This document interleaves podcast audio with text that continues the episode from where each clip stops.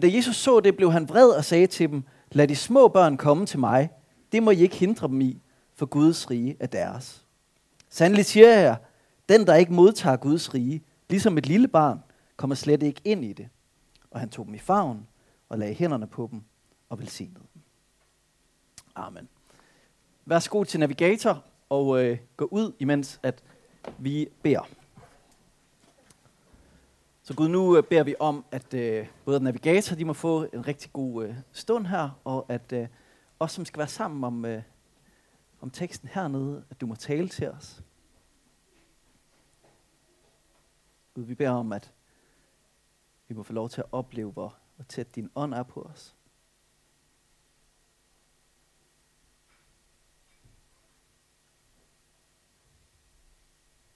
Tal til os nu, Gud. Amen.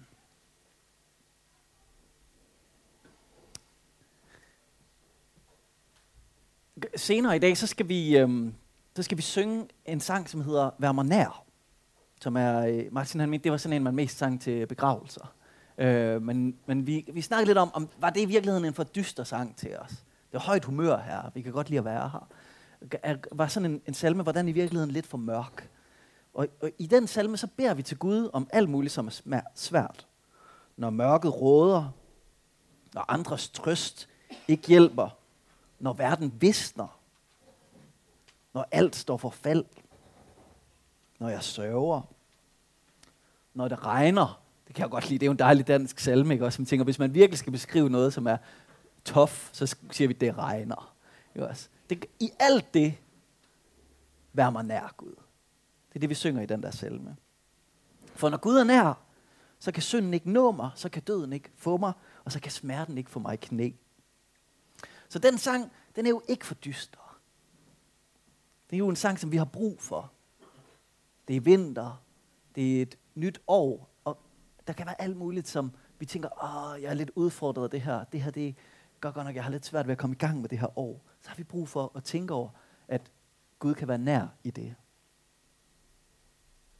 Gud han kan befri os fra det, som binder os. Gud han kan give lys der, hvor der er mørke. Gud han kan give tørvejr der, hvor det regner. Gud han kan give perspektiv til noget, som vi ikke synes har noget perspektiv.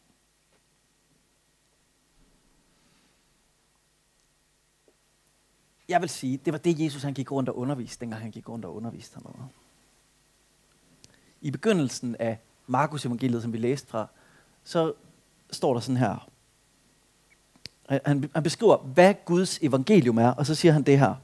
Tiden er inde, Guds rige er kommet nær, omvend jer og tro på evangeliet.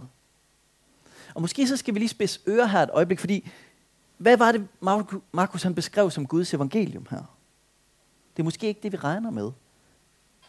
Hvad er Guds evangelium? Hvad er de gode nyheder, som vi skal omvende os til?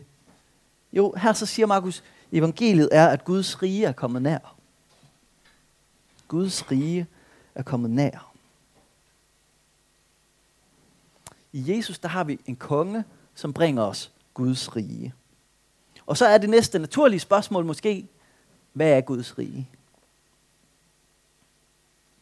Og man kan sige måske sådan her, Guds rige, det er et billede, som handler om, hvem er det, der får magten? Hvem er det, der får sin vilje? Det rummer ligesom et billede af den her verden som et sted, hvor der er mange forskellige riger, og de er ikke alle sammen gode. Og så er der brug for, at der kommer en, som er stærkere end de andre, som er god, som både er god og stærk, og som får lov til at regere, ikke bare over et lille område, men over alle de riger, som ellers er i verden. Og hvis man skal beskrive det her med måske et lidt banalt eksempel, så kan man tænke på to børn, der sidder på bagsædet i en bil. Og så siger den ene til den anden, du må gå til den her streg. Og så siger den anden, jeg rører lige herover. Og så sætter man sin store fede pegefinger over på den andens territorie. Og så er det, reglet kommer, mor, han er kommet over på min side, og jeg har sagt til ham, det var min side. Det er mit rige. Det skal ikke være andre, der bestemmer her. Det er mig, der er konge her. Jeg har selv udråbe mig selv som konge her. Du skal ikke komme og røre ved det. Jeg har et selvudråbt, suverænt territorie. Ej, jeg ved ikke, om en treårig vil sige det. Men I forstår billedet, ikke også? Han har krænket min suverænitet. Og nu starter bagsædets tredje verdenskrig, ikke også? Der er mange steder, hvor vi kæmper om, hvem er det, der har magten. Hvad for et rige er det, vi har her? Og Jesus han siger, at tiden er inde. Guds rige er kommet nær. Ikke din storebrors, ikke faraos, ikke kejserens, ikke statsministerens rige, men Guds rige. Så nu er det tid til, at Gud skal regere. Og hvis vi går lidt mere ind i det her sprog, så kan man definere Guds rige på den her måde. Guds rige er Guds aktive herredømme. Jeg er med på det. Det er en teolog, der har sagt det. Så skal man lige gå to runder på det. Så Guds rige er Guds aktive herredømme. Altså der, hvor han sætter sin vilje igennem. Der, hvor Gud får sin vilje. Det er altså ikke et bestemt sted på jorden, men det er der, hvor Gud får sin vilje. Meget af det, som Jesus han underviser om, når man læser i Bibelen, det giver kun mening, hvis det ligesom er ligesom at det her, man tænker, der er styresystemet.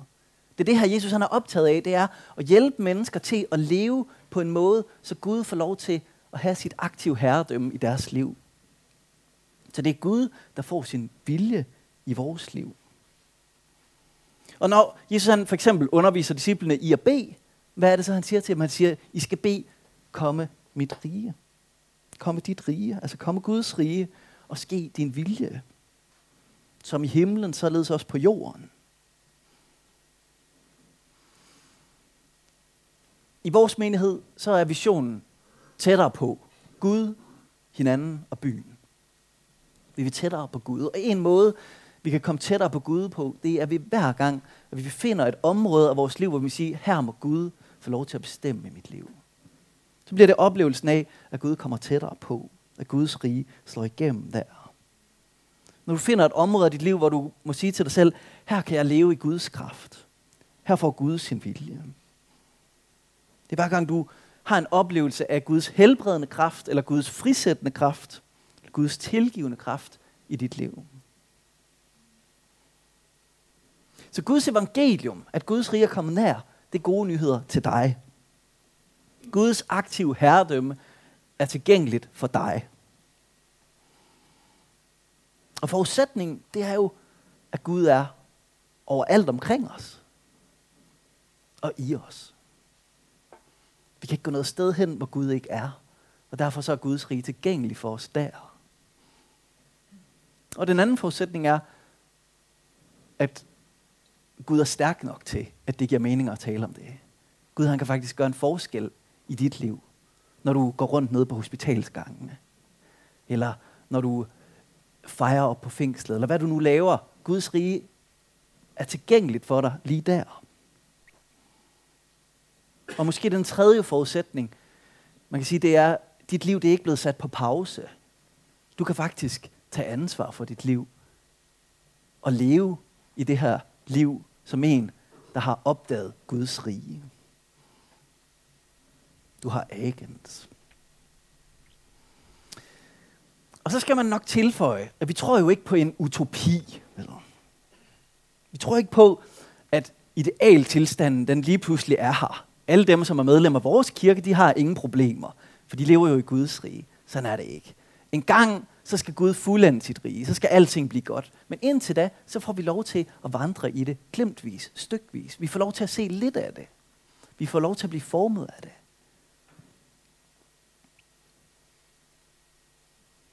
Så det er ligesom, det, det, det er jo den ene grøft, man kan falde i, når man taler om Guds rige. Det er, lige pludselig så tror vi, vi er en del af et utopi. Det er vi ikke. Det ligger i ordet utopi sig selv. Det, det er noget, der ikke øh, er realistisk. Det andet, så den anden grøft, man kan ryge i, det er det, som man kan kalde for Star Trek-evangeliet. Det, har, har I set Star Trek? Prøv lige, hvor mange har, har, kender til lidt Star Trek? Okay, det var færre, end jeg troede. Så Star Trek er jo sådan en... en øh, er jo sådan en... Øh, okay, det bliver måske lidt langt, det her. Øh, man skal sådan bare forstå én ting. Øh, der er en fyr, der hedder Scotty, og han, øh, han er kaptajn.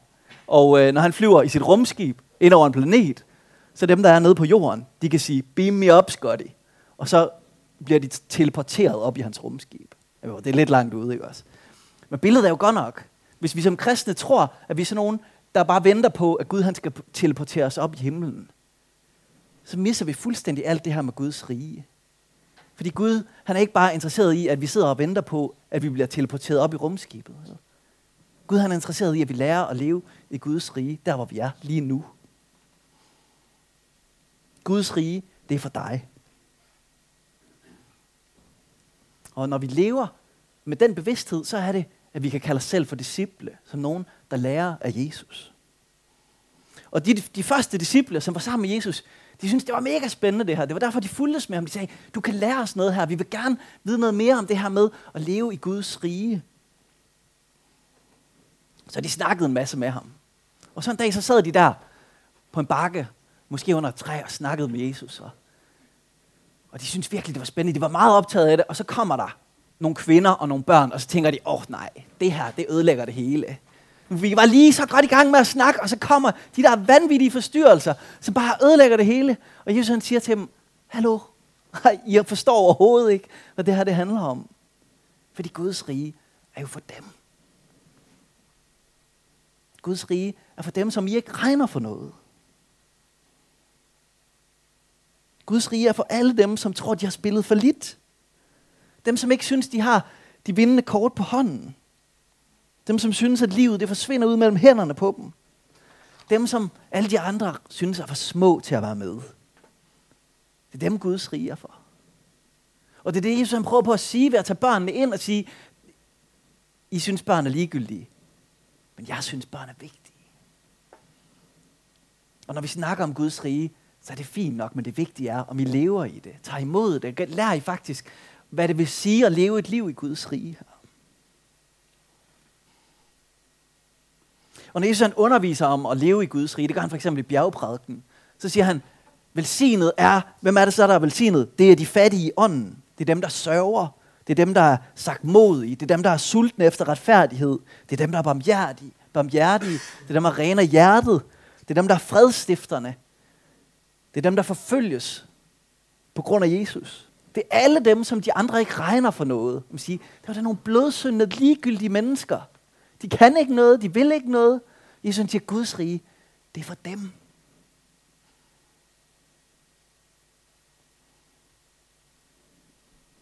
Det betyder jo for os, der er ikke noget, som diskvalificerer os fra at tage del i Guds rige, fordi Guds rige er for alle.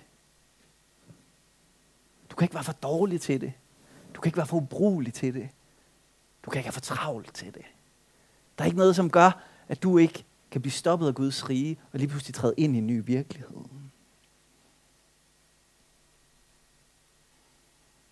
Og så siger han jo noget andet til dem. Han siger, så hvordan er det, du tager imod det? Hvordan er det, du træder ind i Guds rige? Hvordan er det, du modtager Guds rige? Så må du blive som et barn. Og hvad er det, der kendetegner et barn? Det er jo mange ting. Men det er jo blandt andet, at det er hjælpeløst. Hvis ikke det bliver båret hen til Jesus, så kan det ikke komme hen til Jesus. Det er dybt afhængigt af den, som hjælper det. Og det kan ikke andet end at modtage. Nogle gange med taknemmelighed. Det kan ikke andet end at modtage. Det kan kun modtage i forventning, i glæde. Når barnet er sundt, så er det hele indstilling til sine forældre tillid. Det ved jeg ikke, om det er rigtigt i virkeligheden. Jeg kan godt mærke, når jeg begynder at snakke om børn, jeg har kun været far i fem måneder, så bliver jeg altid så lidt, kan, kan man virkelig sige det? Det tror jeg, er det ikke rigtigt, at, at børn er meget tillidsfulde? Er det ikke rigtigt, Bent? Ja. Øhm, du har, nu har Bent sagt det, så er det ikke kun mig, der har sagt Igen og igen i de bibelske historier, så kan man se, at Gud han er optaget af, at vi har tillid til ham. Og derfor så beder han os af og til om at gøre noget, hvor vi tænker, ah, kan det virkelig være rigtigt? Skal, skal vi godt nok gøre det der? Det ved, altså, er det ikke sådan lidt for meget, eller er det virkelig nødvendigt? Jeg har læst to historier om det her på det sidste. Øhm, den ene, den læste jeg i øh, Josvas bog. Josvas bog, så der er Israels folk, de er lige ved at skulle indtage landet, som Gud han har lovet dem. Og så får de at vide, I skal over en flod her. Og den måde, I kommer over floden på, det er ved, at I tager pagtens ark, det som repræsenterer Guds nærvær. Det skal præsterne bære pagtens ark et skridt ind i floden. Og når de gør det, så vil vandet stoppe. Så vil Gud holde vandet tilbage. Og når de står der med et skridt ind i floden, så vil Gud holde vandet tilbage, og så kan de få lov til at passere forbi. Og grunden til, at de gør det, det er så, at alle de andre folkeslag, som er rundt omkring, de kan se, hold da op, Gud er med dem. Og jeg tror også, det er fordi, at så får de lov til selv at opleve, Gud er med os. Men jeg kan godt lide den historie, fordi at Gud han siger ikke til dem, nu skal I bare vade været hele vejen igennem floden, og så bare håbe på, at vandet ikke kommer. Nej, de får at vide, tag et skridt derud. Og så får I lov til at se, at på det ene skridt, der er Gud trofast. Og så kan I tage resten af skridtene. Og så kan I gå forbi, og der står de skyndt sig forbi. Jeg tænker, det er fordi, de har tænkt, det har været nederen at være de præster, der stod der med et skridt ude i vandet, og så bare skulle vente på, at hele folket de passerede forbi. Eller måske har det været fedt at få lov til at opleve det mirakel, det ved jeg ikke. I hvert fald, så er det jo en historie om, at Gud han beder dem om at tage et skridt. Og når de er trofaste imod det ene skridt, så viser Gud sin kraft igennem dem. Det kan jeg godt lide. Jeg tror faktisk, det er sådan Gud, han som regel lærer os om tillid. Det er et skridt ad gangen. Og det er jo meget interessant, han viser dem ikke hele billedet. Eller han siger ikke, og bagefter så skal jeg gøre det og det og det og det. Nej, han siger bare, tag det ene skridt, og så vil jeg vise dig resten bagefter. Den anden historie, som jeg, øh, som jeg stødte på, det var Jemias. Profeten Jemias. I Jemias' bog, kapitel 32, der står der, at han købte en mark. Det er, det er en meget sjov historie, fordi at han, han har profeteret over kongen i Israel om, at øh, Babylonerkongen han skal komme og overtage deres land. Og det gider kongen bare ikke at høre på, så han har sat Jemias i fængsel.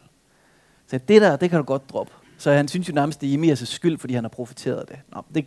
Det er en anden snak. I hvert fald så sidder Jemias i fængsel. Og jeg, lige for tiden, så kører vi om så mange krige, så vi kan godt sådan forholde os til, at når det er krigstid, og det er fængselstid, så er det ikke lige der, man tager de gode businessbeslutninger, vel? Så mens Jeremias han sidder inde i fængslet, så får han et profetisk ord fra Gud. Og det profetiske ord er, der vil komme en mand til dig, som har en mark, som du kan købe. Den skal du købe. Så dagen efter, så kommer ham manden, som Jeremias han har set i hans profetiske ord, og siger til ham, jeg har en mark, som du har ret til at købe. Og Jeremias han siger, den vil jeg gerne købe. Og så bruger han hele resten af kapitlet på at forklare, at det har han gjort som et tegn på, at Gud han vil genoprette det her land. Der skal simpelthen ske noget, som ikke er krig og ødelæggelse, men som er en ny, god situation, hvor det giver mening at købe og sælge jord. Hvor der skal være velstand, hvor der skal være et godt liv igen. Så Jeremias, han har midt i krigssituationen, midt imens han er fængslet, så har han købt en mark som et tegn på, der skal ske noget nyt her. Man kan sige, han handler med håb imod håb. Altså, han handler jo i en situation, som er håbløs, med tillid til, at Gud han vil noget, som er bedre, end det, jeg kan se lige nu. Så tror jeg også, Gud han handler med os i Guds rige. Han beder os altid om tillid. Og det er ikke altid, vi kan se, at det kan blive godt. Men så er vores opgave ikke at kæmpe os til, at det bliver godt igen. Så er vores opgave at have tillid til, at Gud han har en god vej til os.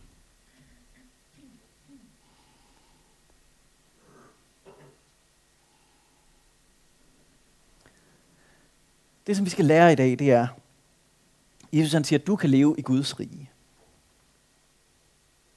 Du kan leve på en måde, så du kan se Guds vilje ske omkring dig. Det afhænger af, om du bliver som et barn. En, som modtager tillidsfuldt for Gud. Gud har svaret, uanset hvad dit problem er. Vil du henvende dig til ham i forventning til, at han kan noget. Han har tilgivelse, han har kærlighed, han har håb, han har genoprettelse, han har kraft, han har visdom, han har alt det, der skal til. Og det er helt sikkert, at han vil hjælpe dig med at leve i hans vilje. Men det er ikke sikkert, at du får din vilje. Men jeg lover dig, at Guds vilje, den er bedre end din vilje. Og vi kan leve i det Guds rige, hvis vi har tillid til ham, hvis vi henvender os til ham, fordi hvad er det, Jesus han gør? Han siger, lad de små børn komme til mig. Det må I ikke hindre mig for Guds rige er deres. I må blive som børn, siger han. Og hvad er det så, han gør? Så tager han børnene op i hænderne og velsigner dem, lægger hænderne på dem. Jeg Jeg har gået og tænkt over, jeg gad virkelig godt at vide, hvad det var, Jesus han bad der. Da han lagde hænderne på de der børn. Jeg tænkte, den bøn gad jeg godt at bede.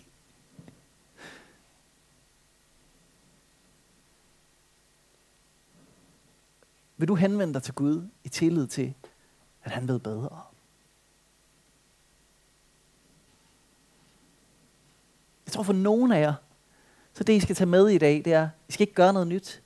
I skal bare hvile i, at Gud er god, og have tillid til ham. Han har den tilgivelse, han har den frisættelse, som du har brug for. Det kan være for nogle af jer, at det I skal høre i dag, det er det, som du bærer på. Når du kigger ned i dine hænder og tænker, det problem, som jeg forestiller mig her, det vil jeg godt prøve at dele med Gud. Så må du finde en måde at gøre det på. En af de måder, som vi altid har her i kirken, det er jo, at der er forbøn hernede bagved. Efter at jeg er færdig med at snakke, så er der nogen, der stiller sig op og er klar til at bede for dig. Det, som fylder noget for dig. Det er jo en måde at handle på noget og sige, jeg har faktisk noget, jeg gerne vil dele med Gud. Og nu er der lige nogle andre, der hjælper mig med at sætte ord på det. Der, der er to andre ting, som jeg tænker, du kan gøre som, øh, som reaktion på det her. Og øh, den ene er vores kursus i bøn, den kommer herop, som, som kommer den øh, 19. Februar kl. 20, så begynder vi et kursus i bøn, som er syv uger, en time hver uge, om onsdagen kl. 8 herop, hvor der er mulighed for at lære noget mere om bøn. Bøn er den tillidsfulde samtale med Gud. Og du kan lære noget af at lære nogle nye måder at bede på. Lige få zoomet ind på, hvad, hvad kunne bøn betyde i dit liv? Det, det er ham her, Pete Gregg, som, øh, som holder undervisning på videoerne. Og øh, han har i hvert fald lært mig to nye måder at bede på i løbet af de sidste to år, som har betydet en verden til forskel for, hvor meget jeg glæder mig til at bede, når jeg skal bede øh, om morgenen. Jeg gætter på, at for nogle af jer, så vil det her kunne blive en øjenåbner for, hvordan, hvordan er det at have en tillidsfuld samtale med Gud. Det er jo en måde at sige, jeg vil gerne være som et barn. Det vil jeg gerne lære noget om. Hvordan kan det se ud? Den anden ting, det er det projekt, som jeg har øh, gået og brygget på de sidste par måneder, som er Tag Form. En podcast om de åndelige discipliner. Hvor jeg har lavet 12 afsnit af et podcast, som er sådan 7-10 minutter lange hver. Og så kan man høre dem i sin mikrocelle, eller sin cellegruppe, eller hvor man nu øh, har åndeligt fællesskab henne. Og så kan man snakke om, hvordan kan jeg begynde at handle på det. Det er meget praksisorienteret. Så hvis jeg nu skulle lære at faste, hvordan ser det så ud? Eller hvis jeg nu skulle tage nogle skridt i enkelhed, hvordan ser det så ud? Eller det der med Guds vejledning, hvordan kunne jeg begynde at øve mig i at leve i det? Eller tilbedelse. Hvordan er det nu lige med tilbedelse som en åndelig disciplin? Hvordan kunne det se ud? Det her, det håber jeg, det bliver en ressource til, at du kan tage nogle nye skridt i tillid til, at Gud han vil forandre dig. Og i kirkens historie, der har vi bare en lang tradition af mennesker, som har vandret på nogle stier, som de har oplevet fungerer. Hvor de bliver mere som børn. Og jeg vil sige, dem af de her åndelige discipliner, som jeg har taget til mig, det betyder for mig, at jeg bliver mere som et barn. Vil du tage nogle nye skridt i det? Jeg tror, at det her forår, hvis der er nogen af jer, der har lyst til at lære noget om at bede, hvis der er nogen af jer, der har lyst til at lære noget mere om de åndelige discipliner, så kan det blive et forår, hvor vi lærer mere at blive som børn. Hvor vi vokser i det.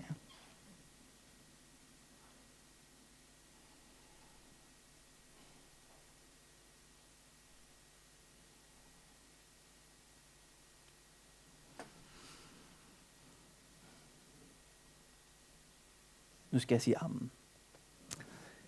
Lad os rejse os op og bede.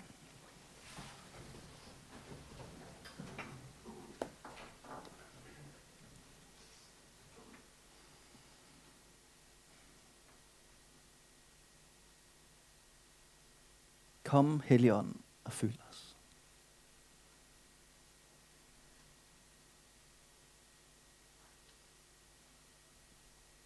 Gud, vi beder om, at vores ånd, den må råbe ind i os, Abba, far.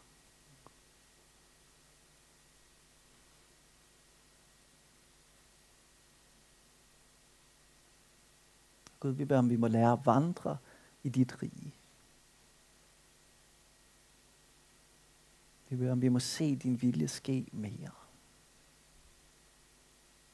I vores eget liv rundt omkring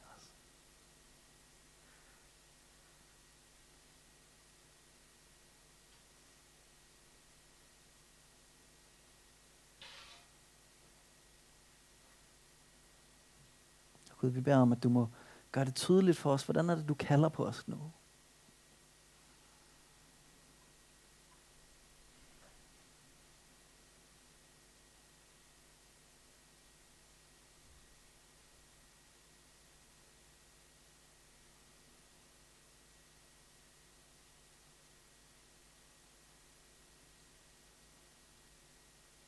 Og Gud, vi beder om, at du må Gør det i os, som vi ikke kan gøre selv. Giv os tro, giv os håb og giv os kærlighed. Amen.